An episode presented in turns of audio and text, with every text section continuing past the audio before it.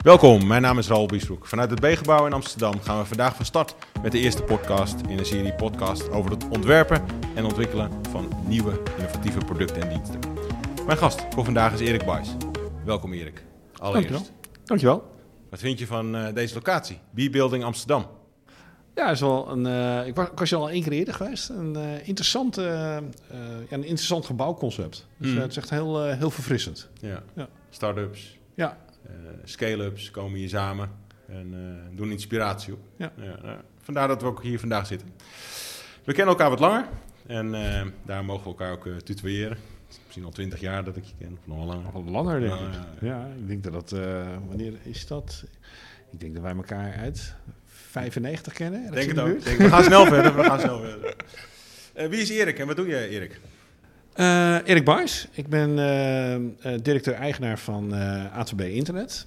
En mede-eigenaar van Prefix Broker. A2B is een uh, bedrijf wat uh, internetfaciliteiten biedt in hmm. datacenters en uh, kantoren. dus we, we leveren glasvezeldiensten, DSL-diensten, IP-diensten.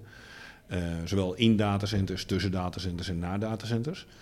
En daarnaast hebben we een bedrijf dat heet Prefix Broker. En dat is een makelaar in IP4-adressen. Wauw, IP4. Ja. Daar moet je straks maar eens wat meer over vertellen, denk ik. Ja. Ja, ja leuk, leuk. Hoeveel tijd heb je? gaat het goed? Ja, gaat lekker. Dus uh, we zijn met ATB nu sinds 2010 bezig. En met Prefix denk ik sinds 2013. Dat is uh, daar okay. uit, uiteindelijk uit voortgekomen. Ja, oké. En als ik het samenvat, is eigenlijk ATB is, uh, meer in de netwerkinfrastructuur. Ja. En Prefix is meer dienstverlening en, en software? Is dat? Nee, uh, Prefix Broker is, is echt gewoon een makelaar. Dus, dus wij, zijn, uh, wij helpen bedrijven, en met name hosters, telco's, ISP's... in het uh, verkopen of het aankopen van IP4-adressen. Oké. Okay. Oké. Dat, dat klinkt vernieuwend. Dat, want ik weet, we werken nu, veel bedrijven werken natuurlijk met IPv6... En uh, zijn natuurlijk eigenlijk min of meer ook wel verplicht om, uh, om daarmee te werken vanuit de providers. En uh, daar zag jij een kans eigenlijk. Nou, de, het, het probleem wat, waar, we, waar we tegenaan liepen met, met A2B... is dat als wij klanten op ons netwerk wilden krijgen... moesten klanten omnummeren. Mm -hmm. En om dat makkelijker te maken voor de klanten gingen we, hebben we heel vaak in het begin klanten de optie gegeven, en dat doen we nog steeds, om eigen IP-adressen te verkrijgen. Nou, op een bepaald moment uh, doe je dat zo vaak dat je daar een bepaalde handigheid in krijgt. En dan zie je dus ook dat sommige procedures bij RIPE bijvoorbeeld niet helemaal lekker liepen. Mm -hmm. En daar is een heel mooie procedure voor binnen RIPE, uh, Policy Development Program. En uh, dat PDP-systeem dat zorgt ervoor dat je dus zelf uh, optimalisaties in de procedures mag voorstellen. En dat wordt dan door de community, wow. wordt dat uh, bottom-up, wordt dat uh, goedgekeurd en uiteindelijk ook geaccepteerd. Dus je kon bij RIPE de processen eigenlijk verbeteren? Ja. En dat heb je gedaan en daar zag je een kans?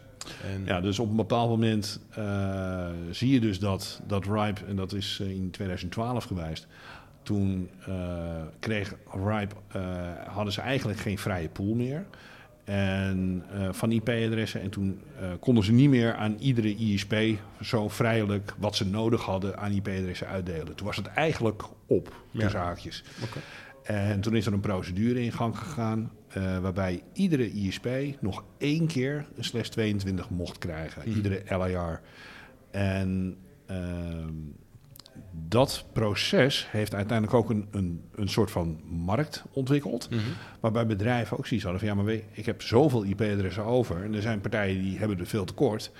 Uh, kan ik ze verkopen? Ja. En daar moesten dus procedures voor komen. Mm -hmm. En ik heb een aantal van dat soort procedures ook geschreven. En toen dachten we in 2013 van... Nou, de meeste procedures hebben we nu al staan. Mm -hmm. Laten we nu ook maar een makelaarskantoor openen zodat wij bedrijven kunnen helpen, die dus inderdaad veel te veel IP-adressen hebben, mm -hmm. om hun helpen met goede kopers te vinden en daar een goed proces omheen te binden. Dus eigenlijk, als ik het vrij vertaal, is dat je zag een kans in het verbeteren van een uh, procedure. Uh, de markt vroeg op dat moment eigenlijk uh, om meer IPv4-adressen. Dat heb je gecombineerd. En daar heb je een dienst van gemaakt als makelaar. Um, en, en, en, en, en, want wie zijn dan je klanten uh, nog meer? Ja, dat zijn in ja, eigenlijk de, de, de usual suspects. Hè? Dus bedrijven zoals een VMware, LinkedIn, Vodafone. Die veel adressen... gewoon echt gewoon hele grote cloudpartijen.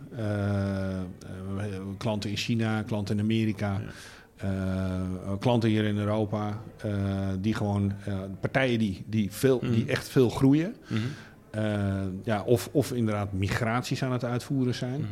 Ja, die hebben dus op een bepaald moment IP-adressen nodig. Want ja, het merendeel van het internet gaat gewoon nog over V4. Maar kwam dat, kwam, eigenlijk waar ik nog meer in geïnteresseerd ben, is dat, kwam dat nou voort uit een bepaalde strategie? Zag je, had je iets in gedachten waardoor uiteindelijk dat toe leidde? Of was het meer dat het je overkwam en zag, hé, hey, dit kunnen we dan pakken. En dan is het meer ondernemersgeest van, hé, hey, daar kunnen we iets mee verdienen. En, en, en dat gaan we wat groter maken.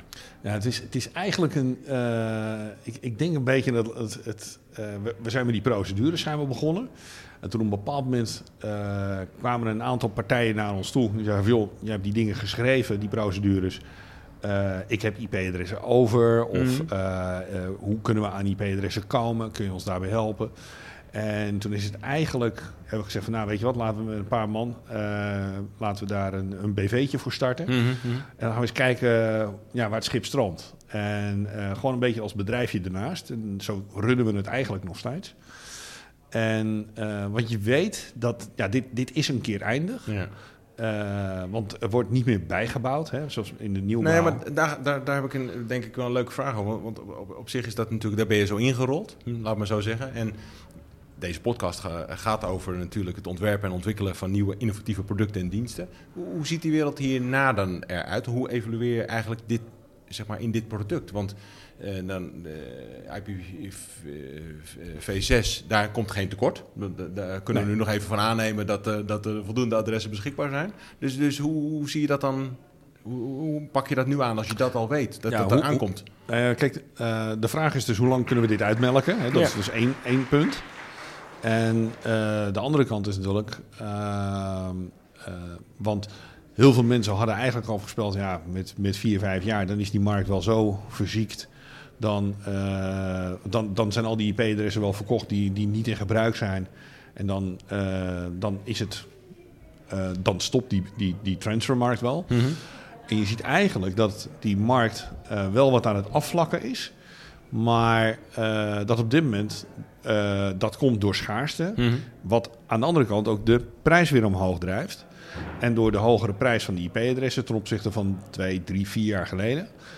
Uh, heb je dus nu ook weer nieuwe partijen die zeggen: ja, maar nu begint het wel interessant worden om onze IP-space te verkopen. Okay. En uh, dus je krijgt steeds een nieuwe influx van nieuwe uh, partijen op de markt. Mm -hmm. en, en wij zijn op dit moment ook aan het kijken van: joh, wat, is, wat, wat kunnen wij op dit moment doen om bijvoorbeeld bepaalde partijen meer te motiveren om richting een, een V4-loze omgeving te gaan ja. voor hunzelf. Ondanks dat andere partijen daar wellicht nog niet voor klaar zijn. En dat heeft ook te maken met bepaalde technieken op het internet. Mm -hmm. Die gewoon nog heel slecht uh, op V6 werken, maar wel prima op V4 werken. Oké, okay, oké. Okay. Nu, nu, noemde je net heel wat klinkende namen, echt van grote bedrijven. Uh, wat mij dan eigenlijk intrigeert is dat, dat uh, Prefix en ook A2B is, is een mid-sized company. En, en, en, hoe ben je dan in het voordeel? Dat je, dat je wat kleiner bent dan de, de grotere bedrijven die je net noemde? Is, is dat een voordeel dat je snel en flexibel kan schakelen? Dat, dat, dat, want dat, dat, ik denk dan maar zo dat je bij die grotere bedrijven zit je misschien wel vast aan processen, eh, eh, eh, bepaalde inkopers, bepaalde voorwaarden. En eigenlijk waar je allemaal aan moet voldoen. En dan, dan kom jij met jullie bedrijf en dan, dan, dan kun je eigenlijk snel schakelen. En, en matcht dat dan wel? Of is dat juist kracht? En zou je zeggen dat die grotere bedrijven zeggen: hé, hey, wauw, ja, eh, dat vinden wij fijn op deze manier? Nou, het, het, het geinige is inderdaad, wij, wij, wij doen zaken met echt, uh, ja, echt de allergrote ter wereld uh, qua, qua, qua voor, voor onze brokerbusiness. Mm -hmm. En dat, uh, dat heeft zeker voordeel als klein bedrijf, omdat het echt puur om reputatie gaat. En omdat wij zelf die procedures mede geschreven hebben, of, mm. of zelf geschreven hebben, ja, kent uh, kennen de grote bedrijven, die kennen ons vanuit de community. dus dat is een voordeel. We hebben onze, onze, onze personen mee die bekend zijn in de markt. Aan de andere kant eh, het schakelt heel makkelijk als je met, met, met drie fanauto's zit. Mhm. En, eh, en we, hebben, eh, we kunnen zelf Je beslissen. actie- ja, we kunnen zelf beslissen, van, jongens, gaan we het doen of niet? Ja, ja. En, Zou je hier een marktplaats van kunnen maken? En zou je dat proces ook kunnen digitaliseren? Dat je, dat je... Sommige dingen zijn, ehm, eh, kan je inderdaad digitaal, digitaal doen. Mhm. Ehm, maar een van de, van de zaken waar, waarom wij juist met de hele grote partijen zaken doen, is omdat wij heel, heel diep gaan eh, in eh, om, om uit te zoeken met wie doen wij nou daadwerkelijk zaken.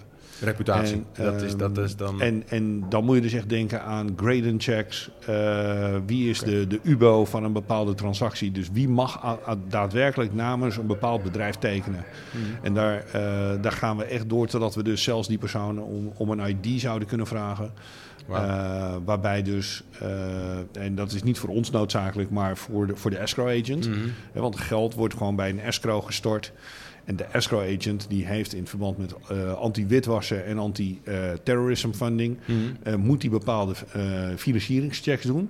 Want anders mag, mag een advocaatkantoor geen geld aannemen of in, in beheer zetten van derden. Dus daar zijn hele strenge eisen voor. En daarom moeten wij precies weten met wie doen we zaken aan de ene kant en aan de andere kant. En dat zetten we ook gewoon allemaal in de contracten. Mhm. En Maar als ik nou met bitcoins wil betalen, kan dat bij jullie? nee, het, het, het moet echt gewoon allemaal... Keiharde eh, dollars het moet, moet echt gewoon eh, in, eh, in hele ja, legacy Ja. manier moet het, moet het echt op tafel komen. Mhm. Ja. Waar, liggen dan de risico's? Want op zich is het nu als makelaar, je, wil, je maakt, brengt bedrijven met elkaar in contact. Ehm, je hebt net iets gezegd over reputatie. Daar kan, je, daar kan je gewoon research op doen. Dat doen jullie ook natuurlijk. Ehm, ehm, maar, maar waar ligt dan het risico?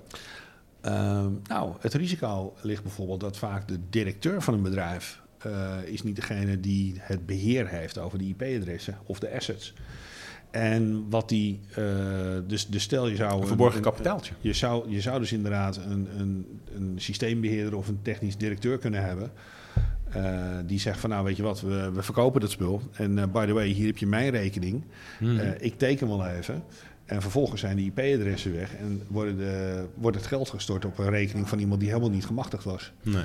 En wat er op dat moment gebeurt, is dat bijvoorbeeld de daadwerkelijke directeur van het bedrijf die zegt van joh luister, ik ben degene die getekend, eh tekenbevoegd is. Mhm. Die zou dan terug kunnen gaan naar RIPE en zeggen: joh, die, die transactie was niet valide. Dus eh, ik wil mijn IP-adressen terug hebben. Mhm. Op dat moment heeft de koper, kopende partij, die is en zijn geld kwijt en zijn IP-adressen kwijt. Ja. Nou, eh, in, Dat kan je maar één keer overkomen, want daarna besta je niet meer, zeg maar. ja, dat, Ja. Dat, dat, dat, dat gebeurt je geen tweede keer. Nee. En, eh, en wij hebben in de zes jaar dat wij dit bedrijf nu hebben, nog nooit een eh, transactie gehad die in, eh, in question getrokken is. Dus, dus dat, wat dat betreft hebben we een hele goede, goede track record. Nou, dat klinkt natuurlijk allemaal goed. Dat klinkt echt als een mooi verhaal. En, en dat is het ook. Ehm, ehm, maar uiteindelijk ligt, ligt dat bij een aantal mensen die dat eigenlijk heel goed kunnen. Zijn jullie zelf ook het risico? Want op zich, eh, wij kennen elkaar wat langer. Ik weet ehm, nou ja, hoe goed je technisch onderlegd bent en wa- wat ermee kan. Eh, BGP en eh, alle facetten die daarmee te maken hebben. Eh, nou ja, ik ken dan de afkorting, maar daar blijft het bij. En, ehm, ehm, maar daar ligt daar geen risico. Dat je, dat je, dat je, dat je doordat je in deze met een aantal mensen hierin samen mag werken, dat als een van die mensen eh, zeg maar of besluit, eh, ja, dat doe ik niet meer, dat daarmee dan het proces staakt? Of oh, hebben jullie dat goed geborgd inmiddels?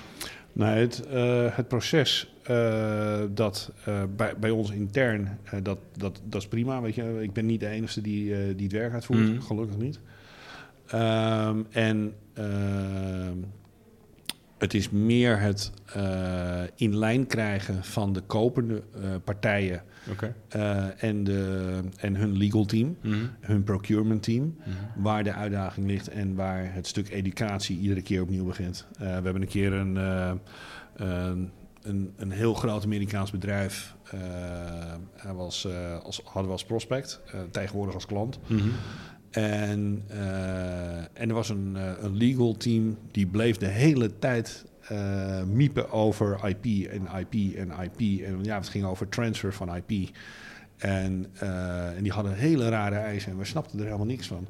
Totdat ik op een bepaald moment eh, aan die man vroeg van... joh, heb je het wellicht over intellectual property? Mhm. Ja, ik zeg, ja, maar ik heb het over IPv4-adressen. ja, ja, weet je, en dan, dan, dat... dat ehm, dus, dus daar zit, zit vaak voor hun ook, als, als hun het over IP hebben... dan hebben ze het over, over trademarks en, en eigendomsrechten... en al hele andere zaken en Mhm. uitvindingen. En wij hebben het gewoon over nummertjes. ja, ja. En daarna was het ook heel snel afgelopen. Ja. was, was heel snel geregeld daarna.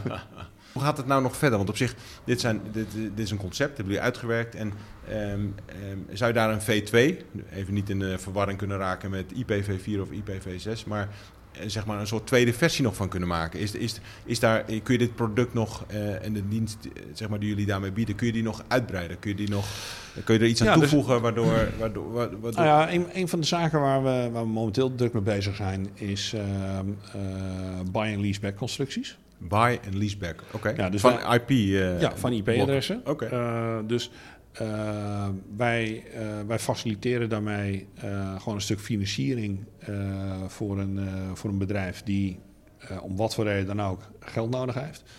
Sorry, En- dus ik, ik heb een aantal blokken of ik heb IPv4. Dat verkoop ik aan jou. Ja.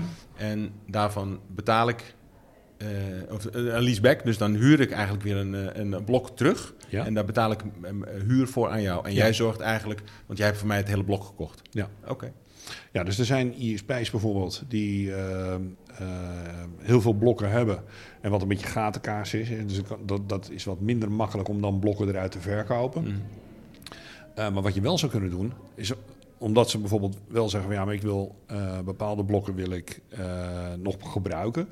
Of ik wil, eh, of dat is niet zo makkelijk om dat eh, eh, vrij te spelen. Of Mhm. nu nog niet, maar over, over een jaar of twee jaar misschien wel. Ja. Is dat ze dan via ons alleen de blokken terughuren die ze daadwerkelijk gebruiken. Mhm. En wij kunnen dan voor hun een soort van financiële injectie geven. En zij betalen dan gewoon in termijnen gewoon weer geld terug voor die IP-adressen die ze wel gebruiken. Eigenlijk is het gewoon een hele mooie deal. Ze hebben eh, in het verleden eh, bij Ripe adressen aangevraagd. Die hebben ze toegekend gekregen. Gratis. Ja. Gratis, ja. En Ja. daar krijgen ze nu van jullie eh, geld voor. ja. Dat, dat, ja. En en, en de, de, de, de tweede variant daarop is door er op die manier naar te gaan kijken, kan je dus ook kijken naar eh, bedrijven, om, te kijken of je dus bedrijven kan motiveren om eerder naar V6 te, eh, over te springen. Mhm. En dus als je zou, zou gaan kijken, we zijn op dit moment eh, heel druk bezig met een, met een inventarisatie. Of we dus klanten kunnen vinden die dus A, IP-space IP-space hebben. Of hun, hun hele omgeving op V6 zouden kunnen inrichten. En dan van ons een stuk V4 huren. Mhm. Eh, in, in, ja, samen met een soort van carrier grade nat. Ja. Eh, en carrier grade nat is een, eh, is een omgeving waarbij je dus een vertaling maakt tussen V4 en V6. Want V6 en V4 zijn normaal niet compatible. Het zijn twee totaal verschillende protocollen. Mhm. En, of type adresseringen eigenlijk. Het is hetzelfde als dat je een, een telefoonnummer en een e-mailadres vergelijkt. Hm. Ehm, en dat, dat praat niet met elkaar. Eh, en door, door zo'n zo'n speciale doos eh, ertussen te zetten, kan je er dus voor zorgen dat ze dus eh, met een heel klein beetje V4 toch een heel groot netwerk kunnen bedrijven. Slim. Slim. En juist door dan klanten te vinden die dus veel V4 hebben, Mhm.